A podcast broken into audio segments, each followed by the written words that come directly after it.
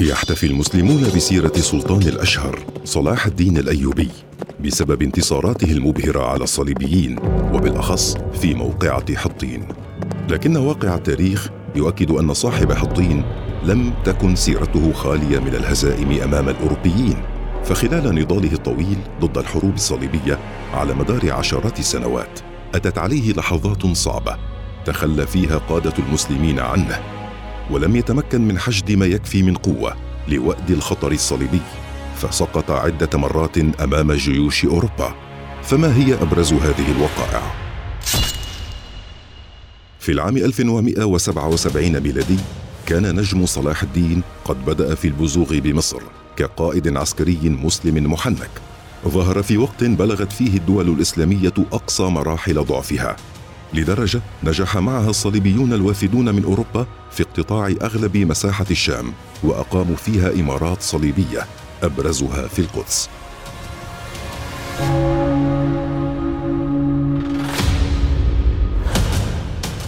أنهى صلاح الدين الدولة الفاطمية وأمر خطباء المساجد المصريين بالعودة إلى الدعاء للعباسيين مجددا وأجرى عمليات إصلاح واسعة في الجيش.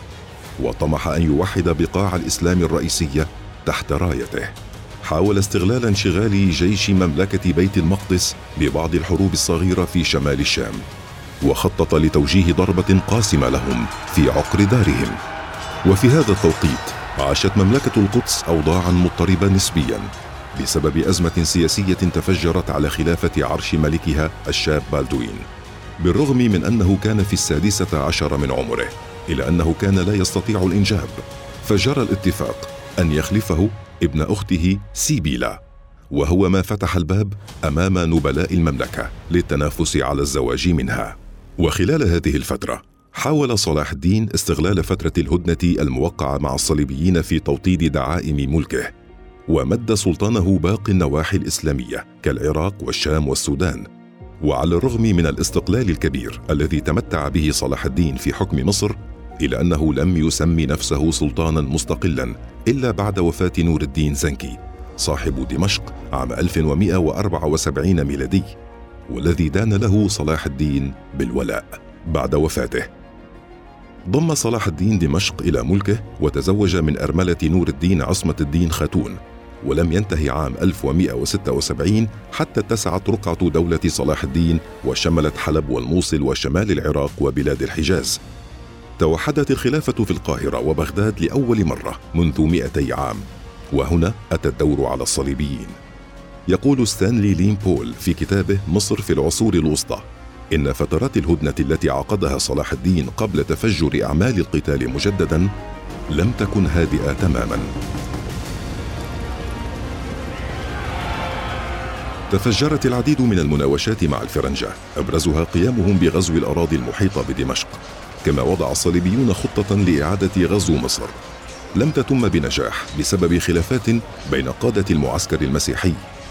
وهو ما رد عليه صلاح الدين بمحاولة غزو محيط بيت المقدس إقليم الصليبيين الأغلى.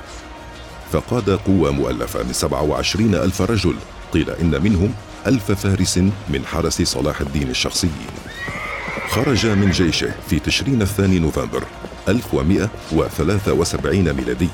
ونزل على عسقلان التي أخضعها الصليبيون لسيطرتهم منذ عام 1153 ميلادي 553 هجري. وسيطر عليها دون مقاومة كبيرة ما شجعه على مواصلة المسير نحو مدينة الرملة. هنا شعر صلاح الدين بالثقة وأنه في سبيله لإحراز نصر جديد على الصليبيين بفضل كفاءته القتالية وجيشه الضخم إلا أنه فوجئ بغير ذلك. فحينما كان يستعد لعبور نهر تل الصافية باغته الصليبيون بهجوم كاسح قاده الأمير الصليبي رينو دي شاتيون المعروف في المصادر العربية باسم إرناط. يوم الخامس والعشرين من تشرين الثاني نوفمبر من العام 1177 ميلادي وبينما كان معسكر المسلمين يعيش استرخاء قضى فيه الجنود وقتهم في أكل الطعام والخيول في شرب الماء. فجاء ملك بيت المقدس أورشليم بالدوين المعروف باسم الملك المجذوم صلاح الدين في منطقة تل جزر التي تقع قرب الرملة وهزمه هزيمة ثقيلة. فاضطر صلاح الدين للفرار من المعركة حفاظا على حياته وكانت أول هزيمة خطيرة يتلقاها صلاح الدين طوال نضاله ضد الصليبيين. لا نمتلك الكثير من تفاصيل ما جرى في المعركة بسبب رغبة صلاح الدين في التعتيم على نتيجتها حتى لا تتأثر الروح المعنوية لباقي جيشه لدرجة أنه أعلن انتصاره فيها. أمسكت المصادر الإسلامية عن الحديث عن تفاصيل الموقعة مثلا اكتفى عيسى الحسن في كتابه أعظم شخصيات التاريخ في حديثه عن المعركة بأن البداية بشرت بفوز ساحق للمسلمين. لم يبدي فيه الصليبيون أي مقاومة. إلا أن صلاح الدين وقع في خطأ ترك جنوده يسعون وراء الغنائم وتتشتت تجمعاتهم وهو الخطأ الذي استغله بالدوين ليعيد تنظيم قواته ويهزم صلاح الدين. في الوقت الذي استهبت فيه المصادر التاريخية الأجنبية في سرد وقائع تل الجزر حيث استعان بالدوين بأسقف بيت لحم للتقدم أمام الجنود وهو يحمل الصليب الذي سجدوا أمامه طالبين من الله التوفيق. وفي الاختيار عن ذلك الموقع تحديدا من أجل حرمان صلاح الدين من تفوقه العددي. لذا تعمد بالدوين الا يهاجم المسلمين في الرملة لأن تضاريسها المفتوحة تسمح للجيش المصري كثيف العدد بالتفوق. بينما حولت تل الجزر كثيرة المستنقعات كثرة العدد إلى عيب وليس ميزة. بحسب المصادر الأجنبية أبدى الجنود الصليبيون بقيادة قوة فرسان الهيكل باسا كبيرا في القتال. حتى حققوا نصرا نادرا على صلاح الدين الذي ترددت أصداء نجاحاته في كافة الأفاق. بحسب المصادر الأوروبية خسر صلاح الدين قرابة 90% من جنوده. كان من بينهم ابن أخيه تقي الدين فيما لم يزد عدد قتلى الصليبيين عن ألف فرد فيما جرح 750 وفي النهاية اضطر صلاح الدين نفسه إلى مغادرة الميدان ممتطيا جمل السباق وفي النهاية حقق الصليبيون ما وصفوه لاحقا بالمعجزة. سلط بالدوين فرسانه لمطاردة فلول جيش المسلمين لمدة أربعة أيام. عادت إليه بعدها إلى عسقلان محملة بالأسرى والأسلحة والخيول. وبرغم هذا الانتصار الكبير لم يشعر بالدوين بالاطمئنان أبدا لأنه علم أن صلاح الدين يمتلك احتياطيا ضخما من الجنود ما يجعل تأثير هذه المعركة عليه محدودا. يقول مايكل هاج في كتابه فرسان الهيكل التاريخ والأسطورة. كان انتصارا عظيما وأنقذ مملكة القدس في الوقت الحالي لكنه لم يغير في حقيقة الأمر شيئا. فصلاح الدين يمتلك موارد هائلة تساعده على الاستفاقة سريعا بينما يعيش الفرنج أوضاعا صعبة يفتقرون فيها إلى الأسلحة والرجال. ربما لو كان بالدوين لاحق صلاح الدين حتى القاهرة أو دمشق لوجه له ضربة ساحقة أمنت المزيد من الوقت للصليبيين في الشام لكنه لم يفعل ذلك واكتفى بنصر المعركة. يقول علي الصلابي في كتابه صلاح الدين الأيوبي وشهوده إن هذه الهزيمة كانت وهنا لم تجبره إلا موقعة حطين ولقد قتل في المعركة وجرح وأسر العديد من قادة صلاح الدين البارزين. في هذه المعركة أيقن صلاح الدين أن القاهرة لا تصلح أن تكون قاعدة لتنفيذ هجمات على الصليبيين بسبب بعدها عن خطوط القتال وصعوبة إمداد خطوط تموين وإمداد بهذا الطول. فجعل دمشق قاعدة لعملياته الحربية ضد الفرنج. وهو التفكير الذي عبر عنه صلاح الدين في رسالة وجهها إلى الخلافة العباسية قائلا إن لا نتمكن بمصر منه مع بعد المسافة وانقطاع العمارة. وكلال الدواب التي بها على الجهاد القوه وإن جاورناه كانت المصلحة بادية والمنفعة جامعة واليد كثيرة الجموع. فعمد إلى توقيع معاهدات سلام بين الطرفين. أقرت هدنه يمتنعان فيها عن الأعمال القتالية. ريثما ينتهي من إعداد دمشق لتكون قاعدته العسكرية الأهم في الشام. بحسب ستانلي لين أعاد صلاح الدين لملمة جيشه سريعا. وخلال ثلاثة أشهر فقط كان قادرا على خوض معركة أخرى مع الصليبيين في حمص وبعدها بعامين حقق انتصارا كبيرا عليهم في مرجعيون. أسر بموجبه سبعين فارسا من كبار فرسان المعبد بالإضافة إلى ريموند أمير طرابلس وهيو أمير طبرية.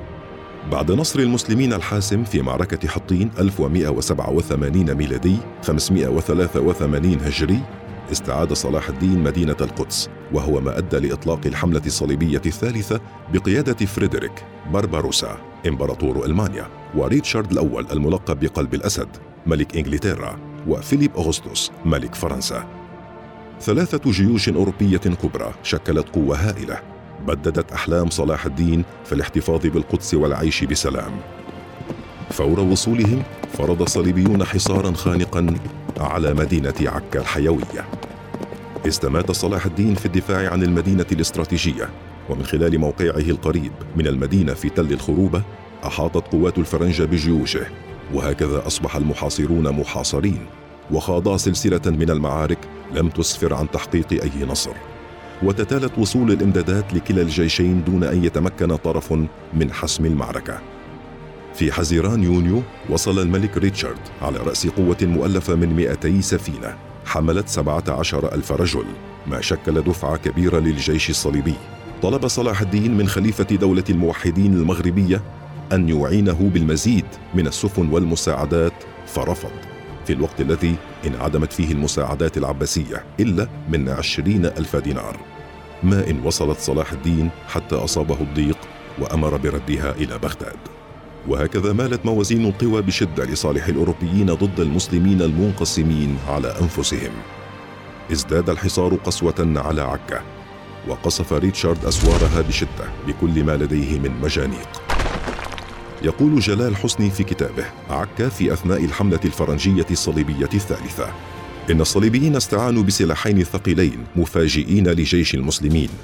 الأول ثلاثة أبراج عالية وضخمة ركبوها من الأخشاب الطوال والعمد الثقال وسمروها بالحديد وزحفوا بها إلى السور. بالإضافة إلى دبابة عظيمة تغطيها صفائح حديدية سميكة تحمي من يأوي في باطنها من المقاتلين فيؤمن خطر الطعن والضرب والاحتراق. وعلى الرغم من بسالة الحامية الإسلامية في الدفاع عن عكا إلا أنها لم تستطع الصمود كثيرا أمام الموجات الأوروبية التي انهالت عليهم بلا رحمة. وتهدمت أبراجها الحصينة الواحدة تلو الأخرى حتى اضطرت عكا للاستسلام بشروط قاسية. شملت تسليم كافة الأسلحة المخبأة في عكا. دفع غرامة قدرها 200 ألف قطعة ذهبية وإطلاق سراح كافة الأسرى الصليبيين.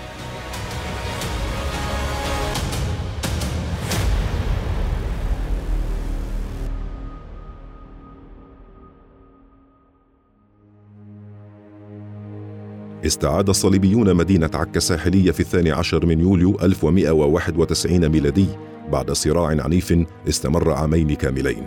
واعتبرت هذه المعركة هي أطول معارك الحروب الصليبية في بلاد الشام على مدار القرنين الثاني عشر والثالث عشر الميلاديين. عقب سقوط مدينة عكا أمر الملك ريتشارد بقتل 2500 رجل من حاميتها بضرب أعناقهم.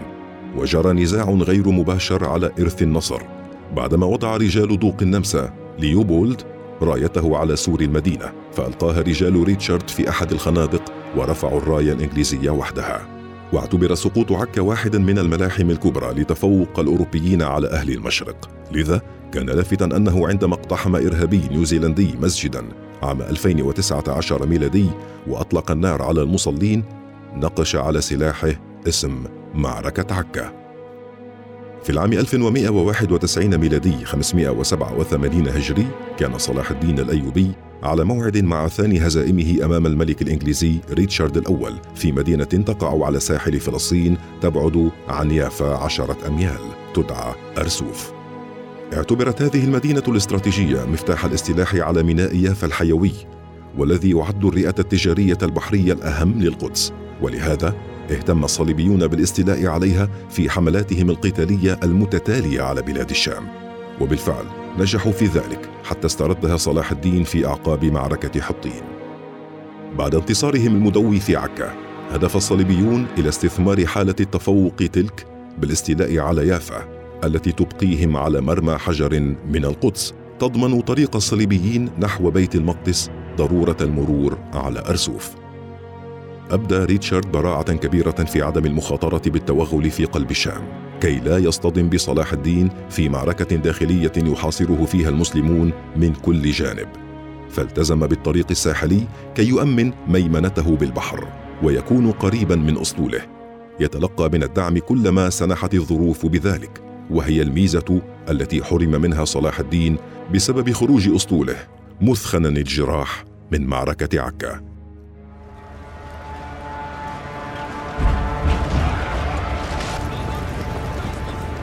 يحكي أستاذ التاريخ محمد مؤنس في بحثه في الصراع الإسلامي الصليبي معركة أرسوف أن الجيش الأيوبي تعمد مضايقة الصليبيين عن بعد بسهام تحجب الشمس قتلت وجرحت منهم الكثيرين كما عمدوا إلى تخطف الصليبيين وقتلهم وسادت صفوف المسلمين حالة من الغضب وطوق للثأر إلى رجال حامية عكا الذين قتلهم ريتشارد ذبحا. عند وصول ريتشارد إلى قرية قرب أرسوف تدعى دير الراهب. أراد كسب بعض الوقت لتنظيم صفوفه بعد الارتباك الذي أحدثته به العمليات النوعية لجيش المسلمين. فطلب التفاوض مع صلاح الدين الذي كان بدوره بحاجة لمزيد من الوقت لحين وصول العناصر التركمانية التي استخدمها لتدعيم قواته ضد المعارك المحتملة مع الصليبيين. لذا أوفد صلاح الدين أخاه العادل للمفاوضات بعدما طلب منه أن يطاول الفرنج في الحديث. فشلت المفاوضات مع اجتماعها الأول بعدما طالب ريتشارد باسترجاع كافة مكتسبات المسلمين في الشام مع معركة حطين. وهو ما تعهد له العادل بأن يقاوم حدوثه حتى آخر فارس لديه. مثل هذا الاجتماع آخر فرصة لحقن دماء الجيشين. فبعد يومين فقط تلاقى الجمعان وكان الجيش الصليبي في أفضل حالاته. بعدما اشتمل على قوات متمرسة في قتال المسلمين مثل الإسبيتارية والداوية ونخبة كبيرة من القيادات العسكرية التي اصطحبها ريتشارد معه إلى الشرق. وجيدي لوزينيان آخر ملك صليبي على بيت المقدس والذي تعهد لصلاح الدين بعدم حمل السلاح ضد المسلمين مجددا. لكنه سرعان ما نكث عهده وبالإضافة لذلك حضر المعركة عدد من الأساقفة لتوزيع البركات الدينية على الجنود وشحذ سهامهم ضد المسلمين.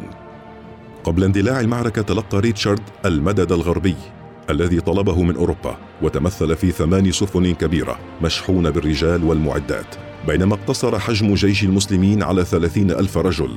وكالمعتاد كانت مساعدات باقي الممالك الإسلامية هامشية وتكاد لا تذكر. وفي السابع من سبتمبر عام 1191 ميلادي الرابع عشر من شعبان 587 هجري بادر صلاح الدين بالهجوم معتمدا على المشاة بأسلحة خفيفة أوقعت اضطرابا كبيرا في صفوف الصليبيين حتى أنهم أوشكوا على أن يقضوا عليهم مثل ما حدث في حطين. حسب ما يذكر سعيد عاشور في كتابه مصر والشام في عصر الأيوبيين والمماليك. لكن سرعان ما أعاد الصليبيون تنفيذ هجومهم وشتتوا جموع المسلمين حتى قيل إن صلاح الدين لم يبقى حوله إلا سبعة عشر رجلا فقط. هربت عساكر المسلمين من أرض المعركة إلى غابة قريبة. خاف الصليبيون أن يدخلوها خوفا من أن تكون هذه الخطوة كمينا فكفوا عن ملاحقتهم. وبالرغم من الإجماع التاريخي من المسلمين والمسيحيين على أن المسلمين تلقوا هزيمة كبيرة في هذه المعركة. إلا أن المؤرخ ابن كثير ينفرد بالإشارة إلى أن الغلبة كانت للمسلمين في هذه المعركة. فهل كانت هذه محاولة أخرى لعدم إضعاف الروح المعنوية؟ وفيما يخص خسائر الجانبين فلا يمكن الاطمئنان إلى أرقام موثوقة بسبب ميول مصادر الطرفين للمبالغة. فمثلا تباينت أرقام خسائر المسلمين في كتب المؤرخين الإنجليز بين 700 فرد أو 7000 ويعتبر مؤنس أن المؤرخين الإنجليز حاولوا المبالغة في حجم هذا الانتصار من أجل مساوته بمعركة حطين. حققت المعركة نصرا معنويا هائلا عند الصليبيين، واعتبر مؤرخ ألماني أنها نهاية أسطورة صلاح الدين. فيما يقول حامد غنيم في كتابه الجبهة الإسلامية في عصر الحروب الصليبية. إنه كان في قلب السلطان الأيوبي من أثر تلك المعركة ما لا يعلمه إلا الله. وأن الناس كانوا إما في أزمة نفسية أو من المجروحين بدنيا.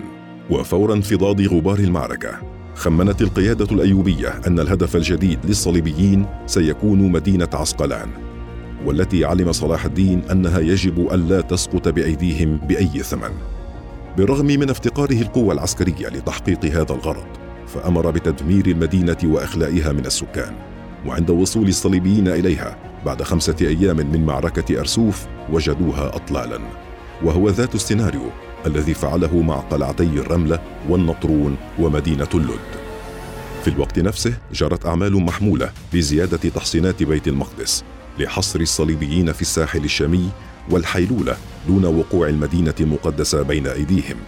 وتحول كافة كوارث الهزائم السابقة إلى مصيبة ضياع القدس. يقول ابن واصل في كتابه فرج الكروب في أخبار بني أيوب. أمر صلاح الدين بحفر الخنادق وعمارة الأسوار وكان يحمل بنفسه الحجارة هو وأولاده بصحبة باقي الأمراء والعلماء والجنود. في النهاية تمكن صلاح الدين من الاحتفاظ بالحد الأدنى من تماسك قواته والحيلولة دون وقوع القدس في أيدي الصليبيين. وبعد عام واحد من معركة أرسوف وقع الطرفان صلح الرملة في الثاني من أيلول سبتمبر. عام 1192 ميلادي الثاني والعشرين من شعبان 558 هجري ونص على هدنة شاملة بين الجانبين يحتفظ الصليبيون بمقتضاها بالمنطقة الممتدة من يافا إلى عكا وأن تكون اللد والرملة مناصفة بين الجانبين وبقيت القدس تحت الحكم الأيوبي.